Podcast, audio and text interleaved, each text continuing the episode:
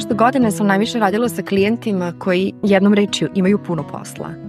Ljudi mi se obično jave sa upitom za saradnju i najčešće me pitaju nešto poput ovog. Znaš Jovana, eto ne znam da li radiš, tako mislim u stvari meni sve super ide, sve jako dobro, ali od tekućih stvari i obaveza ja ne znam gde udaram, znači bavim se svim svačim, tipa zaposleni, plate, porezi, nove ponude, klijenti, upiti za saradnju, dobavljači, saradnici, edukacije, pa na sve to još kuća, deca, obaveze i koliko god da sam ja dobro organizovana, evo ne stižem da se bavim suštinskim jeli, planiranjem i organizovanjem svog biznisa. Ne postoji jedan način koji je ispravan kada je planiranje organizacije u pitanju, zapravo ne postoji jedan način koji je ispravan za bilo šta u životu, jel?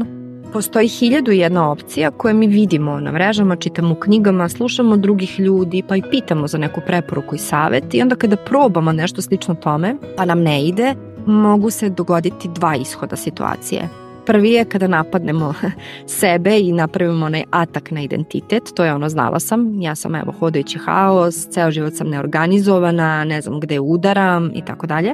A drugi mogući ishod situacije kada napadnemo sam savet, tehniku, metodu, alat ili kako god, pa je to fazono ovo je baš glupo i ovo ne radi za mene. I danas želim u ovoj epizodi da izdvojim nekoliko načina kako možeš najpre da osluškuješ svoju motivaciju, da osetiš svoj pravac delovanja i da razumeš sobstvene, ono što u coachingu zovemo perceptivne obrazce, kada je u pitanju organizacija, planiranje, strukturiranje tvog biznisa i produktivnost na kraju krajeva. Često volim da kažem da ne postoji jedan način, da bome da ne postoji, ali sasvim sigurno postoji tvoj način koji opet nije jedan način, već otkrivanje različitih stilova u zavisnosti od sezone života, biznisa, konteksta, sadržaja, okruženja, ljudi sa kojima radiš i na kraju krajeva same prirode projekta na kom radiš. Dobrodošla u novu podcast epizodu. Vratila sam se na solo snimanja i raduje me da danas ovako u ovom kratkom formatu podelim sa tobom malo mudrosti na temu kako da preusmeriš fokus nežnim podešavanjem na svoje važnosti. Nemoj tražiti jedan način kako da bolje planiraš, radiš, prodaješ, pojavljuješ se na mrežama, kreiraš usluge, proizvode, šta god da je u pitanju, jel? Zato što nije poenta u jednom načinu koji ćeš ti sada da naučiš i da će on uvek da radi za tebe. Poenta je zapravo da razumeš sebe uvek u datom kontekstu i da izvadiš onda svoje najvažnije, najvrednije resurse i sa njima kreiraš način koji je tada jeli, odgovarajuć za tu sezonu, za tu situaciju, za baš taj cilj na kom radiš, baš sa tim ljudima sa kojima sarađuješ, baš u tom okruženju gde se nalaziš. Imate jedna zanimljiva stvar koju sam prosto kroz iskustvo u radu sa timovima stekla, a to je da ne možemo mnogo da se pomeramo unapred ako ne razumemo gde smo trenutno i kako smo tu došli. Jedna od mojih omiljenih praksi je da ljude uvek pitam da mi pričaju šta je sve dobro radilo na nekom prethodnom projektu na kom su radili. Naprimer, šta je dobro radilo u firmi gde su prethodno bili zaposleni ili u timu u kojem su prethodno bili jeli, važan deo tog tima pre nego što se priključili ovom. I onda ih navodim na to da zapravo dele dobre prakse koje možemo da ponovimo u nekom drugom kontekstu, znači bukvalno možemo ono što se kaže da ih modelujemo. I evo odakle ti možeš da kreneš. Najpre pitaj sebe šta te u biznisu najviše motiviše. Da li je to da postavljaš lude, blesave ciljeve i onda da se baciš u vatru da radiš na njima bez obzira na krajnji ishod? Bićeš zadovoljna kako god da bude. Prodala 10, 55 nečega kako god, sve je super, ideš dalje, stalno postavljaš ciljeve, usmerena si ka budućnosti, ka tom većem prosperitetu, boljoj verziji sebe ili te prosto smara da radiš tako neke stvari pa si onda usmerena više na probleme i na risk management, odnosno na rizike i krojiš neke strategije kako da izbjegneš probleme, kako da smanjiš rizike i pretežno se tako jeli, krećeš kroz biznis proverim koliko si dobra sa analizom. Znači, da li te smara da radiš analizu, da se osvrćeš sa sobom, da pogledaš svoje brojeve, tabele, saradnje, ljude, šta je bilo dobro, da li si neke ponude prerasla, da li si neki tip klijenata prerasla sa kojima više ne želiš da radiš, šta može bolje, na primjer, evo sada u budućnosti. Znači, da li je uopšte analiza sastavni deo nekih tvojih poslovnih e, strategija? I ovde je mnogo važno da razumeš da nema tačnih i netačnih odgovora, zato što ono što često primetim, pa i sama sam to nekada radila, jeste da mi biramo da odgovorimo na neka pitanja onako kako bismo želeli da odgovori zvuče i izgledaju za nas, a ne onako kakvi oni zaista jesu. Zato budi iskrena sa sobom ovde, budi iskrena za sebe, jer od toga zavisi razumevanje zašto ne radimo neke stvari u biznisu iako znamo da bismo trebali. Pre nekoliko meseci sam drastično smanjila tempo rada i razmišljanja i delovanja i prosto sprovođenja nekih akcija i prepustila sam se to procesu unutrašnjeg povlačenja i učenju iz prethodnih ili prošlih iskustava i shvatila sam negde na putu da sam postala zatrpana kratkoročnim ciljevima. I za mene je ovo vrlo jasan znak da sam negde ispala sa šina, znači da polako to sad postaje moj prioritet, da istražim jesam li ja stvarno izgubila fokus ili ja mislim da sam izgubila fokus samo zato što mi neki projekti i neke stvari nisu više važne, a ja ih uporno guram među svoje najvažnije važnosti. Druga stvar jeste da razumeš kako rešavaš probleme i kako donosiš odluke postoje neke stvari u biznisu koje stvarno, ne znam kako da kažem, ali stvarno su dosadne. imaju neki svoj protokol i proceduru i to nam dosta olakšava život zato što je to neki dobro utaban obrazac koji radi. I klasičan primjer je sad da, na primjer, zamisliš jednu firmu od 200-250 zaposlenih u kojoj nema nikakvih procedura, nema nikakav protokol, nema ni jedan jasno definisan proces rada i sve je nešto poput pa dobro možeš kako hoćeš, kako, kako tebi dođe, kako osjećaš da treba, kako ti misliš kako se tebi dopada, pa probaj pa ćeš videti i tako sad da funkcioniše 250 ljudi, baš na nivou probe pa ćemo videti, jel? Znači, prosto, verovatno bi ta firma propala, ono, za dva dana, jer sistem u kojem nema strukture nije sistem, već je haos ali procesi, procedure i tako te neke stvari od kojih većina ljudi beži su i tekako važne da ih razvijamo vremenom za svoj biznis. Imam jedan lep primer, sad sam se setila, hoću da ga podelim. Zapravo Gerald je moj bivši kolega, jako bistar momak, tih povučen, radio je kao backend developer u timu u kojem sam ja radila i mlađe od mene nekih desetak godina recimo. I pre nekoliko godina on me stvarno naučio jednoj važnoj lekciji koju sam nakon nespretno smetnula sa uma imali smo našu redovnu timsku retrospektivu i ja sam objasnila okvir rada, zadatak eh, na koji ćemo se fokusirati i tu negde u objašnjenju sam bukvalno rekla vi imate potpunu slobodu da donesete sada bilo koju ideju, ma šta vam duša hoće i da radite na tome. Jel? I onda sam pitala sam ja ovo dobro objasnila i vidim Gerald me gleda tako u belo i kao, kaže Gerald, pa dobro kao, aj daj malo još detalja, kao nisam ja skapirao šta treba da radimo. I ja ponovo objasnim, uđem malo onako sitnije detalje, obrnem jezički obrazac, čisto da mu malo onako priđem bliže i oni dalje mene gleda u belo i kaže, ako ja tebe dobro razumem, znači ja mogu da izaberem bilo šta, šta ja hoću. Ja kažem, tačno, tačno tako, Gerald. I on meni kaže, ali ja to ne mogu, Jovana. Mislim, meni to unosi paniku. Kako misliš bilo šta? Mislim, ja ne znam, ima neki, ili ima ne, možeš negde da me ograničiš, možda negde da mi, da mi udariš neke granice, da ja znam u kom dvorištu mogu da se krećem. I mislim, kad mi kažeš bilo šta, kao ja, ja to, ja ne mogu to, ja ne mogu tako da radim.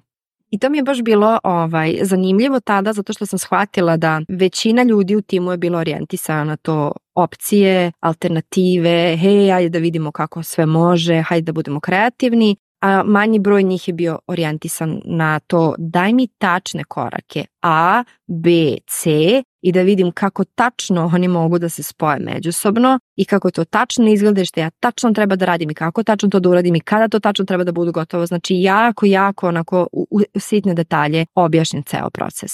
Sad zašto navodim ovaj primer? Zato što važno je da razumemo za sebe sobstvenu orijentaciju ka načinu planiranja i strukture generalno u biznisu. Znači, da li smo mi osoba koja je sklona više ka eksperimentima, ka probama, ka dorađivanju, ka prvoj verziji, drugoj verziji, trećoj, ka unapređivanju, traženju alternativa i korišćenja, ajde da kažemo, te sve svoje kreativne i stvaralačke energije i resursa, što je totalno neki agilni pristup ali ne znači da u agilom pristupu nema nekih principa, pravila, procesa i procedura. I ili ste, na primer, to jest ili si osoba koja voli jasne, vrlo, vrlo specifične i jasne instrukcije, jasne korake, jasnu proceduru i jasna pravila, gde nema nešto mnogo ti sada da razmišljaš koja je tu možda da bude opcija, već da ti neko dobro objasni šta su tu tačno treba da se radi i da ti ideš to da uradiš. Savrneš u kavi, ideš da radiš. Zato što sigurna sam da i ako si sklona takvom opcionom načinu rešavanja problema i pronalaska rešenja, jeli, da su ti ipak negde potrebne jasne instrukcije, smjernice, protokoli, procedure, jer negde ovakav pristup dodatno čuva našu zapravo mentalnu energiju i olakšava proces donošenja odluka. Što bi rekli, zamisli samo jednog hirurga koji nema jasnu proceduru i protokol koji prati pre operacije, iako je tu rutinsku operaciju izveo 9826 puta, već da radi tako kao, pa dobro sestro, nema veze, ajte, vidjet će nam šta nam treba od pribora, eto kad otvorimo ovaj grudni koš, jel? Znači ne ide. Tako da nije ovde pitanje koji si ti tip ličnosti, zato što uopšte nisu tipovi ličnosti, već naše sklonosti prema poslu u zavisnosti od konteksta, situacije jeli, u kojoj se nalazimo, imamo određeno jeli, ponašanje. I kada razumemo svoju orijentaciju prema planiranju, to nam je već pola urađenog posla, jer onda tačno znamo šta treba da menjamo. Ovako mi živimo u nekoj zabludi, ono ja treba da poboljšam, treba da menjam, ovo ne radi, ali ne znamo šta tačno ne radi, zašto to tačno ne radi i u kom kontekstu to ne radi. Postoje ljudi koji jako dobro rade kada im damo tačne instrukcije šta treba da urade i ljudi koji stalno pored toga pitaju e, ali može ovako? E, jesi nekad razmišljala, zamisli da uradimo ovako. A šta misliš? Čekaj, je ovo isto dobra ideja, ali možemo ovako? Znači, prosto postoje različiti stilovi i pristupi koje mi upotrebljavamo kada je planiranje u pitanju. Ni jedno ni drugo nije dobro ni loše dok ne ubacimo, opet se ponavljam, u tačan kontekst situaciju, okruženje, ljude sa kojima radite, ako radite sa nekim i projekat, prirodu projekta koji realizujete. I treća stvar je takođe vrlo konkretna i važna za proveriti, a to je lična orijentacija ka aktivnostima, odnosno ka sprovođenju akcija, jel? Znači, da li smo skloni da brzo reagujemo da li smo spontani, da li dopuštamo sebi da se nešto jako dugo marinira, da se krčka dok ne donesemo odluku i slično. E sad, znate ono, sada je najbolji trenutak da kreneš, sada, evo, sada je najbolji trenutak da kreneš zato što to je jedino što imaš. U nekim situacijama, na primjer, meni je ovo vrlo važna i korisna floskula, jel? Zato što mi služi, jel, za fokus, za centriranje, za vraćanje u sadašnji trenutak, a u nekim, mnogo većim slučajevima, mnogo više slučajeva ovo mi je potpuno jedna besmislena misao, zato što nije da ja odlažem neke stvari zato što sam lenja i sklona prokrastinaciji, već se u nekim situacijama ponašam reaktivno. I tu je onaj klasičan primer, mislim, studiranja, prosto, ja mislim da sam ja 70-80% svojih ispita pripremala u 5 do 12, ono, kampanjski, što bi rekli. I oko pola godine unapred znam kada je ispitni rok i mogu lepo da se organizujem, to je ono što zovemo studentski sindrom, ali ne, ja čekam 5 do 12 da pripremim sve, da se raspadnem i da odem i da položim ispit. Onako sva izmučena i izmorena, jel?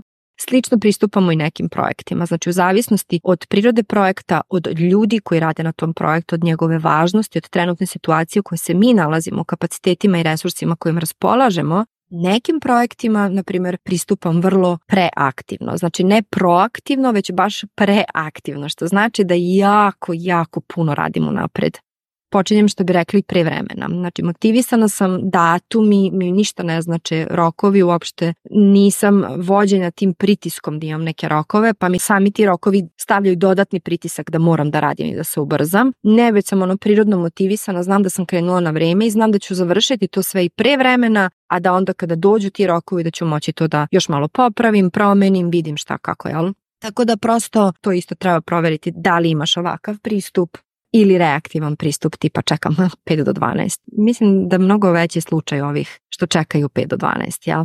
Pa sad zamisli u timu kada rade ljudi koji čekaju 5 do 12 i ovi što rade sve preaktivno, a rade zajedno u timu. Znači to je, bolje ti ne kažem i negde možda, neću ni da kažem najzdraviji pristup, ali nešto čemu težimo i što agilna filozofija zapravo i propagira i za šta se zalaže jeste da imamo to aktivno, jeli taj aktivni stil i aktivno ponašanje, zato što aktivno ponašanje podrazumeva da imamo pripremu, ali da smo spontani i organizovani u nekoj svojoj fleksibilnoj strukturi ne odlažemo, ali isto tako ne idemo jako daleko u budućnost, već se držimo tu u sadašnjosti i jako dobro reagujemo na promene koje se događaju sada i ovde. Znači nije da nas pokosi neka promena pa mi ono joj, e, odustajem gotovo, već smo jako, jako visoko adaptilni na promene koje se događaju u sadašnjosti.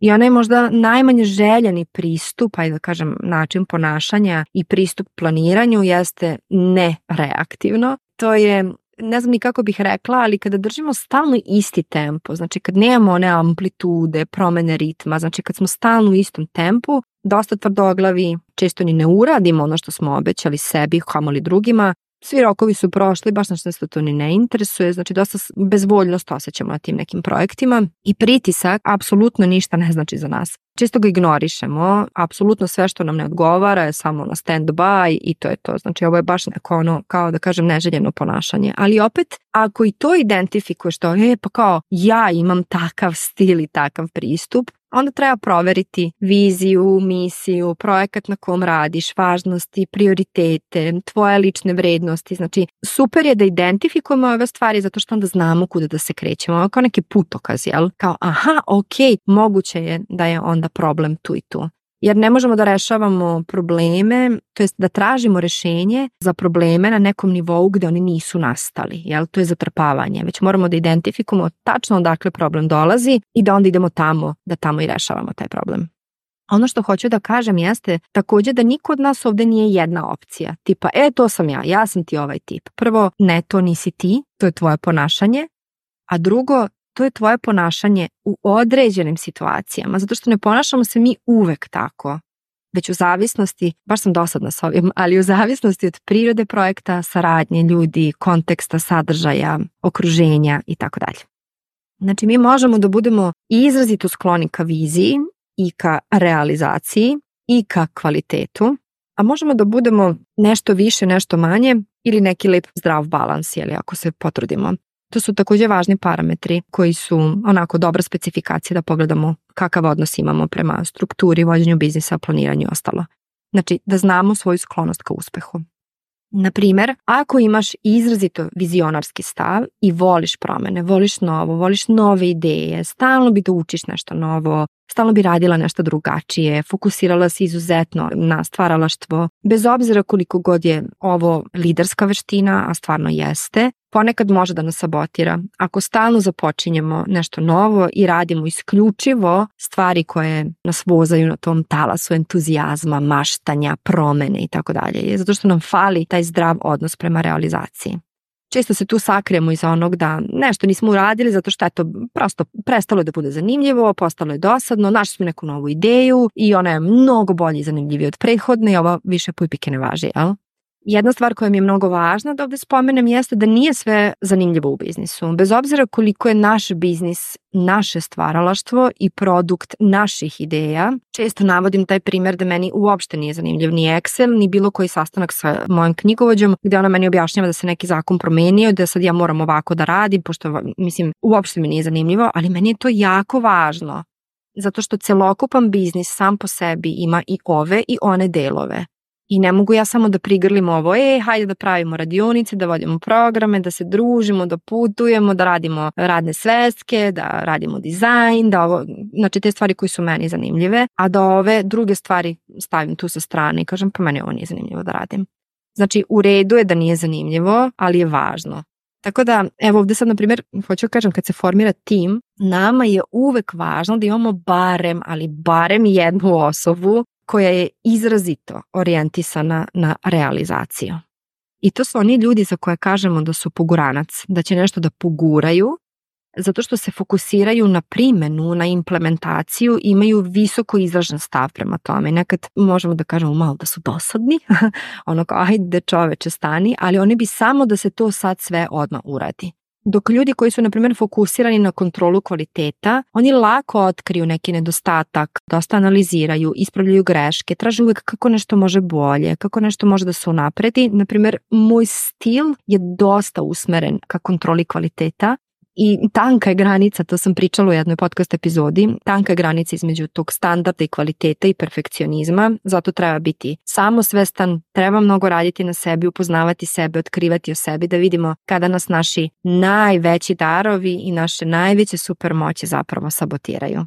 Na Naprimer, za većinu projekata ja sam izuzetno fokusirana na kontrolu kvaliteta i imam taj vizionarski stav prema proizvodu koji razvijamo, prema usluzi, prema saradnji, znači bilo šta da radim, ali ove dve stvari u kombinaciji u većini slučajeva, kod mene barem, deluju kao samo sabotaža, zato što mi nedostaje ta orijentisanost na realizaciju i to je tačno ta zamka zbog koje često upadnem u prokrastinaciju i odlaganje. Znači, nije svako odlaganje, ovde to moram da kažem, nije svako odlaganje loša stvar, niti je taj veliki fokus na kontrolu kvaliteta uvek perfekcionizam, ali mogu da prepoznam kod sebe kada, šta zaista jeste. I to vam je super moć da znate, aha, aha, ovde sam se malo ušuškala, sakrila, aha, ovo, ne, ne, ne, ne, ne, ne, ispod ovog standarda ne radim, znači da prepoznate u stvari razlike. Sad ću opet da se ponovim, znači ništa od ovog nije dobro ni loše, već je pitanje čemu smo skloni i kako toga postajemo svesni i šta radimo kada zapravo to shvatimo, jel? Naprimer, aha, ok, ovde sam otišla u ekstrem. Znači, bavim se suviše detaljima, toliko se bavim detaljima da sam izgubila širu sliku. Moram da napravim neka podešavanja. Ili, na primjer, aha, ovde sam sad previše u viziji, u abstrakciji, u maštanju, otišla sam jako daleko i fali mi detalj neki da bih mogla da krenem i napravim svoj sistem realizacije i nekoliko konkretnih merljivih koraka. Takođe, ovo ti može biti zanimljivo. Radila sam sa nekoliko ljudi, što u timu, što jedan na jedan u saradnji sa klijentima, koji su stvarno, ali stvarno multipotencijalisti. I za njih često ovi viđeni saveti kako da rade, da se fokusiraju, isključe distrakciju i slično, uglavnom ne rade I oni dosta bivaju isfrustrirani, jer eto, bože moj, i ne mogu da ustanu u pet ujutru, da meditiraju pod svećom, da pišu dnevnik dok piju čaj od koprive, slušaju Vivaldi, u pozadini i baš to im je, eto, a to im je toliko potrebno za bolju produktivnost. Nije. Za produktivnost je važno da znaš prvo gde ti je radost, jer gde je radost, tu je produktivnost. Ja znam da su nas puno učili da je produktivnost tamo gde je disciplina, ali evo malo da, da, da proširimo perspektivu i da promenimo ugao gledanja. Gde je radost, tu je produktivnost. Drugo, neki ljudi su stvarno noćne ptice i to je ok, to ne znači da nisu disciplinovani, da nemaju svoje rutine, navike, da su nezdravi ili kako god. Znači ne moramo svi da ustajemo u pet ujutru, ali isto tako, ovo mi je opet mnogo važno da kažem, Ne treba ni da se ljutimo na ove što stvarno ustaju u pet ujutru, slušaju Vivaldija, pišu dnevniki i piju čaj od koprive. Znači, svako ima svoj način i ok je da probamo i da testiramo više način, da vidimo šta radi i šta, šta ne radi. A Sad sam se setila jednog kolege iz prethodnog firme, on je stvarno bio na kraju smo ga zvali ono cirkus koliko je bio smešan, ali on je imao naviku da pročita nešto super, na primjer ode na neku konferenciju ili neki seminar neki trening ili posluša neki podcast ili pročita neku knjigu i dođe sav entuzijastičan i kao ljudi moji, vidite kako ovo dobro, mi ovo moramo da sprovedemo sad odmah, jel? I mi sad napravimo celu strategiju, ok, važi, testiramo to da vidimo kao pa je, pa moglo bi da ovo radi, to je baš super ideja, hajde to da probamo. I mi stvarno razvijemo ceo koncept, uložimo resurse, uložimo vreme, uložimo energiju, timsku sinergiju, sve i to ne uspe isprve. I on dođe i kaže, ma ne, to je glupost, to ne radi za nas. I on dođe s nekom drugom idejom. Znači ovde ono što sam barem ja naučila i kod sebe lično u svom biznisu i evo već koliko godinama radim sa timovima jeste da nije tačno da kada probate nešto jedan put i to ne radi, da, da to nije pravo rješenje za vas. Ljudi obično odustanu odmah. Probali smo jednom, ne radi, uf, ovo ne radi, ja ću naći nešto drugo. Ne, već probaj da nađeš drugi način kako to da radi za tebe. I treće, e, mislim da to što sam pričala za produktivnost jeste da stvarno svoje supermoći koristimo za sebe, a ne protiv sebe. Ponekad su naši najveći kvaliteti zapravo naši najveći blokeri i to se svakom od nas barem jednom dogodilo u životu. Ja, na primjer, kada sam već uzela taj multipotencijalizam, ajde, i tu sjajnu super moć i ti ljudi kako razmišljaju i kako rade i koliko ima sfera interesovanja i svašta nešto mogu i super imaju ono divergentno razmišljanje, barem ja to tako doživljavam, ali znam za ljude koji počnu to da koriste protiv sebe I oni već unapred znaju da ništa za njih ne radi zato što, eto, oni imaju jako puno interesovanja, i ideja i onda se desi da svašta započne, ništa ne sprovede do kraja, oni su to već probali i ne, oni su multipotencijalisti. I onda se sakriju iza toga, ja sam multipotencijalista. Pa dobro, ali to treba da te služi, zar ne? A ne da te sabotira. Tako da ovo se sve nekako vremenom i menja. Ja kad pogledam kroz svoju prizmu i kada vidim oblasti na kojima sam ranije voljela da radim sama, sada volim da radim sa nekim tamo gde sam ranije voljela da imam 100 opcija da izaberem, sada volim da imam svoju jasnu proceduru koje se držim, koja za mene radi i koja prosto čuva moj mentalni prostor i koja je za mene dobra, ne moram da nosim odluke, ne moram sad da eksperimentišem, već ono dobro utaban put. Tako da promena sama po sebi je lepa kada si deo nje deo koji sarađuje, a ne deo koji odmaže. Zato kako god da je sada stanje, nešto te dovelo tu ako je super, u, nešto si super uradila i umeće je da to ponoviš. Znači, jako je važno da znaš šta je to što super radiš da bi mogla to da nastaviš da radiš. Ako nije super, ako nisi zadovoljna, opet isto tako nešto te je dovelo tu. Znači možeš preispitati svoju orijentisanost ka ciljevima, ka projektima, ka saradnjama, ka saradnicima, ka planiranju, ka sprovođenju aktivnosti i videti koje su to nijanse koje kada se podese dugoročno mogu da ti naprave veliku razliku. Ono što često ponavljam i sebi i svojim klijentima jeste da previše planiranja i prestroga struktura uvek će nas odvesti u rigidnost premalo planiranja i prelabava struktura uvek će nas odvesti u haos. Previše spontanosti odvešće nas u disregulaciju, a premalo spontanosti u jedno mrtvilo, sivilo i fosilizaciju. A zapravo ono što hoćemo da uradimo jeste da i mi budemo agilni i da pravimo sistem koji je takav, baš agilan. Jer su nijanse ono što prave razliku. I mislim da sam to sve htela da ispričam danas. Do neke sledeće epizode. Pozdravljam te, dobro mi budi i slušamo se.